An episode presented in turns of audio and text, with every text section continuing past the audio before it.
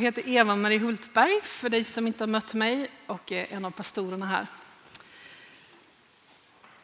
För fjärde söndagen nu då, i rad, av åtta sammanlagt, så är vi i vårt stora hösttema som vi har kallat Jesus för världen.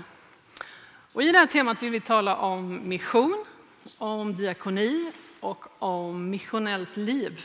På många sätt är det där mycket samma sak, men vi som sagt delar gärna upp saker lite grann. Vi vill tala om vad Gud tänker om den här världen och vad han tänker om kyrkans uppdrag i den här världen. Och de tre söndagar som hittills har ägt rum, de kan du lyssna på via hemsidan till exempel. Och gör det om du har missat. Det går att gå en promenad med de där lurarna i öronen, ni vet. Varje höst så blir alla vi som är församlingsanställda, pastorer och andra inbjudna till något som kallas för medarbetarkonferens som samfundet bjuder in till. Eh, oftast har just det årets upplaga ett tema, en slags rubrik för vad dagarna ska handla om. Och för ett antal år sedan när inbjudan gick ut så var rubriken Allt börjar med dig. Förutom att det är ett arbetsmiljöproblem att bjuda in pastorer till en konferens med den rubriken så är det också teologiskt någon slags tankevurpa av rang. Inget som har med Guds rike börjar nämligen med dig eller med mig. Faktiskt inte med någon av oss, pastor eller inte pastor. Allt som har med Guds rike börjar nämligen med Vadå då? Lite högre, jag hörde från de här första raderna. Bra. Gud börjar såklart allt som har med Guds rike att göra. Precis. Nu har vi ju tre söndagar faktiskt talat om hur vi kan tänka och agera, hur vi kan liksom härma Jesus. Ehm, hur liksom Jesus tänker om sitt uppdrag och hur det är tänkt att vi ska fortsätta hans uppdrag, att härma honom och följa efter.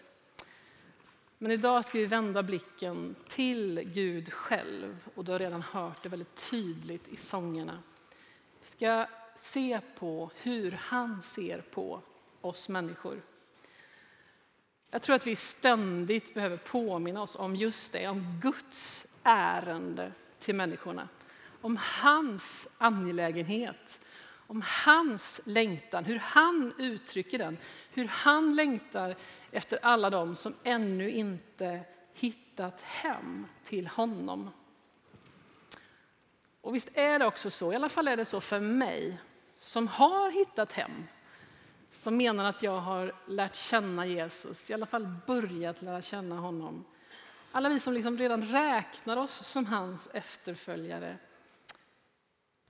Visst är det ändå så att vi är ganska långt ifrån att förstå det här som vi har sjungit om. Jag hoppas du har märkt det. Hur mycket han älskar oss.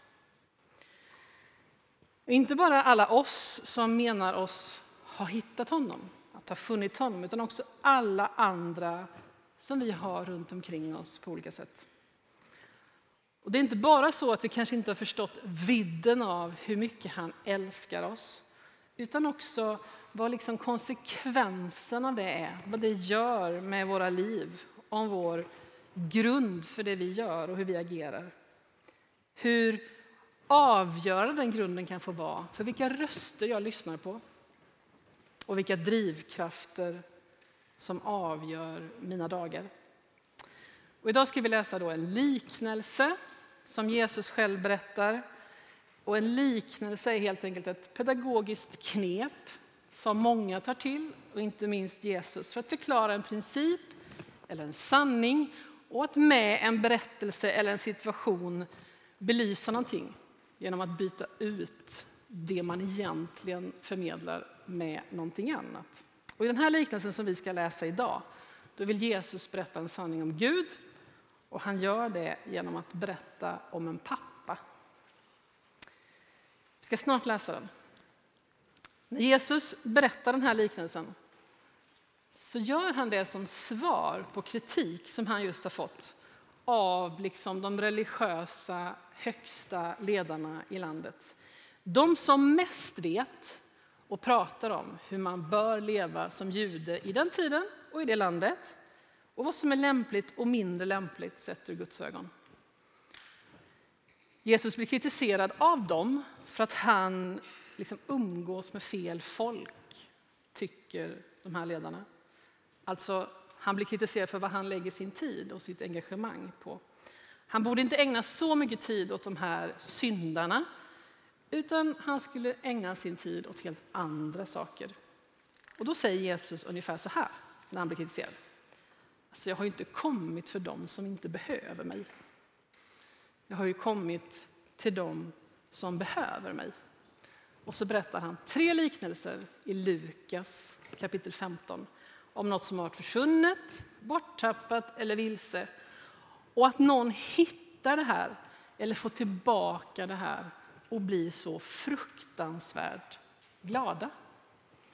Nu ska vi läsa Lukas 15, vers 11. Så här står det. En man hade två söner. Den yngste sa till fadern, Far, ge mig den del av förmögenheten som ska bli min. Då skiftade fadern sin egendom mellan dem. Några dagar senare hade den yngste sonen sålt allt han ägde och gav sig iväg till ett främmande land. Och där slösade han bort sin förmögenhet på ett liv i utsvävningar. När han hade gjort av med allt blev det svår hungersnöd i landet och han började lida nöd. Han gick och tog tjänst hos en välbärgad man i det landet och denne skickade ut honom på sina ägor för att vakta svin. Han hade gärna velat äta sig mätt på fröskidorna som svinen åt, men ingen lät honom få något. Då kom han till besinning och tänkte, hur många daglönare hos min far har inte mat i överflöd och här svälter jag ihjäl. Jag ger mig av hem till min far och säger till honom, Far, jag har syndat mot himlen och mot dig. Jag är inte längre värd att kallas din son. Låt mig få gå som en av dina daglönare. Och han gav sig av hem till sin far. Redan på långt håll fick fadern syn på honom. Han fylldes av medlidande och sprang emot honom och omfamnade och kysste honom. Sonen sa, Far, jag har syndat mot himlen och mot dig. Jag är inte längre värd att kallas din son. Men fadern sa till sin tjänare, skynda er att ta fram min finaste dräkt och klä honom i den och sätt en ring på hans hand och skor på hans fötter och hämta gödkalven och slakta den så ska vi äta och hålla fest. Min son var död och lever igen. Han var förlorad och är återfunnen och festen började. Men den äldste sonen var ute på fälten. När han på vägen hem närmade sig huset hörde han musik och dans. Han kallade på en av tjänarna och frågade vad som stod på. Tjänaren svarade din bror har kommit hem och din far har låtit slakta gödkalven därför att han har fått tillbaka honom välbehållen. Då blev han arg och ville inte gå in. Fadern kom ut och försökte tala honom till rätta, men han svarade här har jag tjänat dig i alla dessa år och aldrig överträtt något av dina bud och mig har du aldrig gett ens en killing att fästa på med mina vänner. Men när han kommer hem, din son, som har levt upp din egendom tillsammans med horor, då slaktar du gödkalven. Fadern sa till honom, mitt barn, du är alltid hos mig och allt mitt är ditt. Men nu måste vi hålla fest och vara glada. För din bror var död och lever igen. Han var förlorad och är återfunnen. Om det här är berättelsen om pappan som är Gud, om hur han älskar, vad kan vi då se i den här liknelsen? Pappan får alltså en dag en fråga från sin yngre son, från lillebrorsan. Han vill ha ut sin del av arvet i förtid. Pappan går honom förvånande nog till mötes och sonen får hälften av allt han äger. Det är nog mark, det är kanske djur, ägodelar, pengar. Och då går den här lillebrorsan och säljer alltihopa. Eh, det vill säga, de här åkertegarna som var liksom familjens egendom. Rätt som det är är det en del av det som någon helt annan äger och brukar. Men sonen säljer allt, han skaffar sig kontanter och ger sig av hemifrån. Och att sonen ber om det här arvet i förtid är i sig självt en grov kränkning. Det är som att han säger, jag önskar pappa att du redan var död. Och det utesluter den här lillebrorsan från liksom hela sammanhanget. Han har liksom stängt dörren nu till sin familj. Han har förverkat liksom, tillhörigheten. Så han ger sig iväg, han lämnar sin pappa med skammen att ha blivit djupt ratad, övergiven, utskämd. Marken är såld och brukas av någon annan. Och vi vet inte mycket vad som pågår där hemma. Det står ju inte i bibeltexten. Men vi kan gissa lite. Pappan är som sagt utskämd. Kanske får han frågor från omgivningen, grannarna, medarbetare kanske, om han har fått höra någonting om sin son. Hur går det? Vad blev det? Och varje gång kanske han får svara att nej, jag har inte, jag har inte hört någonting. Kanske märker han att det viskas bakom hans rygg. Kanske är relationen till den äldre sonen ganska sval. Man får ju den känslan i slutet av texten. Oron för det har gått med den yngre sonen blandas säkert med längtan efter att han ska komma hem igen. Hoppet att det kanske blir så en dag. Den sårade kärleken och den längtande kärleken blandas. Och kanske är det olika vilket som ligger överst vilken dag. Och kanske gör han som så många av oss föräldrar. Man går också till sig själv och undrar hur blev det så här? Nu gissar jag. Inget av det här står i texten, ingenting om tiden hemma på gården. Men så kommer dagen som pappan har väntat på, hoppats på, bett om, kanske dagdrömt, ni vet, sett framför sig hur det skulle kunna bli, spelat upp i huvudet. Men säkert också varit rädd. Det blir aldrig så. En dag så får han syn när han står och spejar på en vissen figur långt bort. Antagligen tror han nog inte först sina ögon. Han har ju hoppat så länge och kanske är det också svårt att känna igen sin son. Men så inser han att det verkligen är han. Och jag kan ju undra hur jag hade reagerat. Det är ganska vanligt att om ett barn har varit försvunnet så blir man ju glad och lite arg när det kommer tillbaka. För man får ju inte försvinna, eller hur? Men den här pappan rusar sonen till mötes och det är anmärkningsvärt på alla möjliga sätt. En man i hans situation, i det landet, på den tiden, springer inte. I den kulturen gjorde man inte så. Det är djupt ovärdigt och gör att man ser på honom med ännu mindre respekt. Men kärleken till den här sonen, längtan, väntan och det som nu plötsligt ofattbart sker, det gör att han liksom tappar allt annat än att rusa sin son till mötes. Allt av besvikelse säkert, sårade känslor, förebråelse, anklagelser, hämnd, dom. Allt det där som skulle kunna vara fullständigt rimligt den där dagen. Det skulle till och med vara rätt rättvist, det skulle vara förväntat, begripligt. Det bara lyser med sin frånvaro i den här berättelsen. Och det är kärleken. Det är fadershjärtat, längtan, glädjen över återseendet. Förlåtelsen, omsorgen, barmhärtigheten. Det är vad som vinner. Det är det som ligger överst. Och när Jesus nu i den här texten vill förklara för vems skull han har kommit till världen, hur han är Jesus för världen. När han vill förklara Guds kärlek, Faderns kärlek till människorna, då berättar han om den här pappan Det är en pappa med ett pappahjärta som slår fort, starkt. Det är ett längtande, verkande, saknande hjärta. Det är ett hjärta hos en pappa som tydligen aldrig slutar hoppas på den där hemkomsten eftersom han står och spejar just den dagen när sonen kommer tillbaka. Han älskar obegripligt mycket.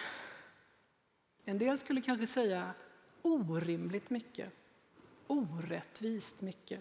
Storebrorsan sa det. Han älskar sonen som har gått vilse, som är långt, långt hemifrån.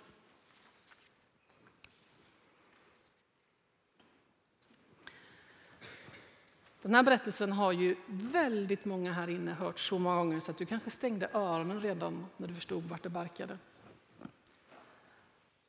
Och att tala om Guds kärlek kan ju ärligt talat kännas som att nu kommer jag säga någonting som alla tänker, det där vet vi allt om. Och ändå tänker jag att vi vet inte allt om det. Vi, vi liksom har hört det. Men tänk om det sakta men säkert också idag kunde få sjunka någon centimeter längre ner, längre in, djupare i vårt inre. Det faktum att det är en fullständigt obegriplig, gränslös kärlek som Gud, vår far i himlen, älskar oss med. Som får honom att längta. Om du känner dig vilse i tillvaron idag, av en eller annan anledning, rotlös på något sätt, hemlös och till och med kanske inte har fått lära känna den här kärleken alls, då väntar Gud ivrigt på dig, som den här pappan i berättelsen. Han spejar, han spanar och tänker idag kanske Och han hoppas att du ska vända dig till honom idag.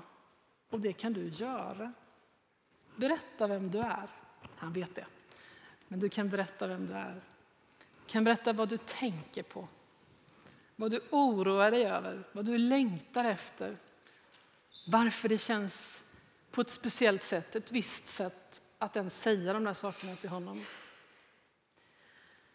För dig som har lärt känna Jesus, börjat lära känna, som har liksom hittat hem till Gud, vår far.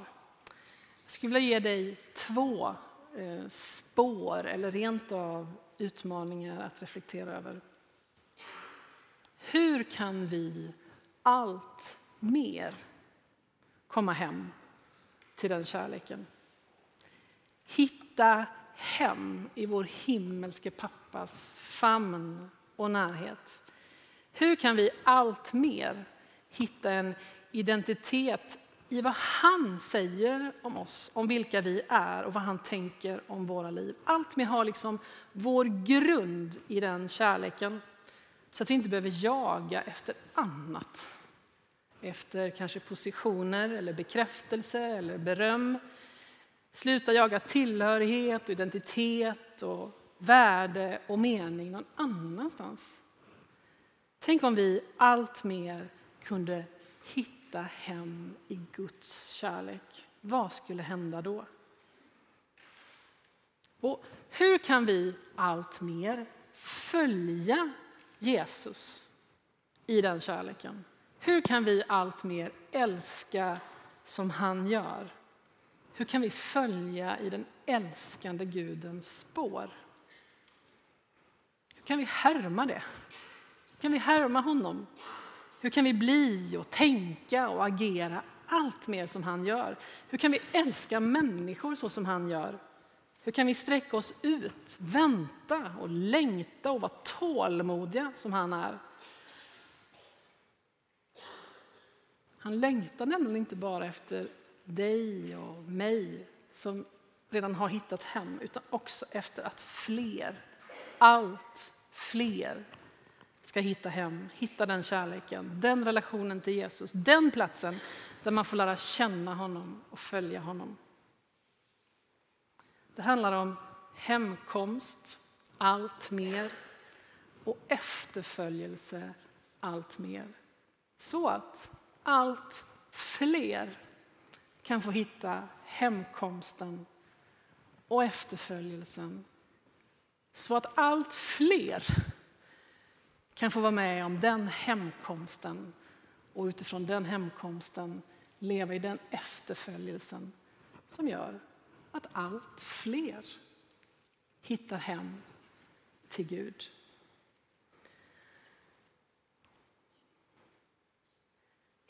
Jesus för världen har vi satt som rubrik. Det är ju en strof i en av våra mest älskade och kända salmer, påsksalmer skulle en del säga. Det handlar om att Jesus gett sitt liv för den här världen av kärlek. Och i en av Bibelns allra mest kända verser kan vi läsa så här. Så älskade Gud världen att han gav den sin enda son, Jesus. För att var och en som tror på honom inte ska gå under utan ha evigt liv.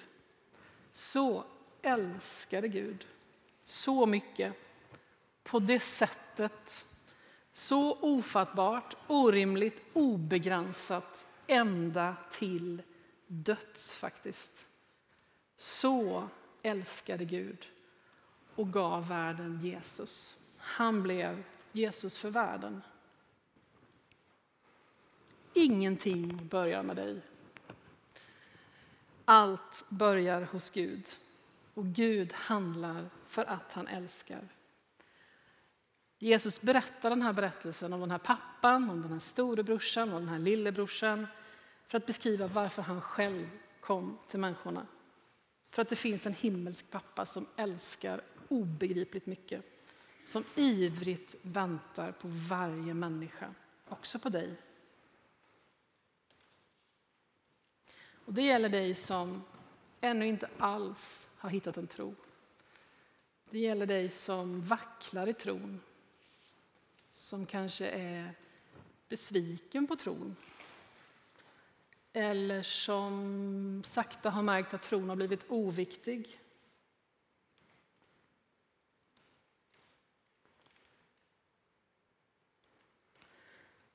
Han väntar ständigt på oss. Och så förutom alla oss som sitter här inne, som är på olika plats, så gäller det alla människor i vår stad och alla människor i vår värld. Den där kärleken ska nå till jordens yttersta gräns. Och det är faktiskt så här, att komma hem till den här kärleken, eller komma hem i den här kärleken, det är inte liksom en sorts snäll, mesig ersättning för någonting annat. Det är inte istället för efterföljelse, det är inte istället för mission, det är inte liksom något inåtvänt, eh, exkluderande, egoistisk variant på församlingsliv. Det här är grunden för allt. Det var det här Jesus ville säga. Att bli hemma i den kärleken, det är Guds dröm för varje människa. Det är så faktiskt han sänder oss. Att älska. För Fadern sänder Jesus av kärlek. Så Jesus sänder oss av kärlek. För det står så här. Som Fadern har sänt mig sänder jag er. Så älskande som Fadern har sänt mig, alltså. Så älskande sänder jag er, säger Jesus, till att älska den här världen. Vi ber.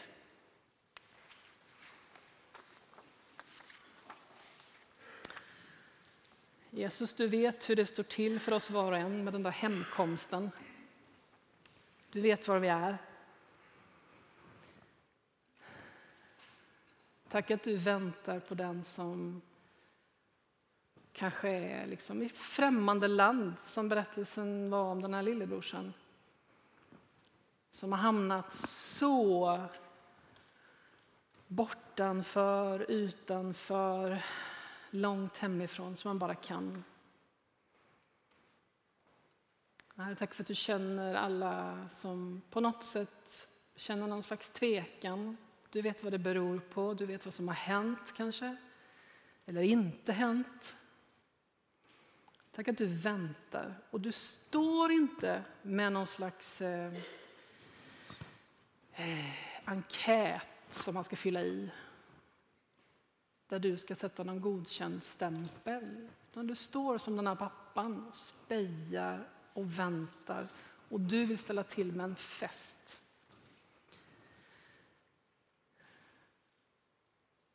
Och Herre, för oss alla ber jag att vi bara skulle få rotas allt mer i den kärleken. Tillsammans få förstå höjden och djupet och bredden som det står i ditt ord. För den här världens skull. Jag ber att du skulle viska in i våra liv.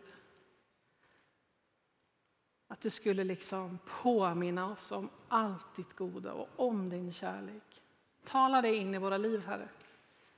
Gör det på ett sätt så att vi förstår Låt det få landa ännu mer i våra hjärtan.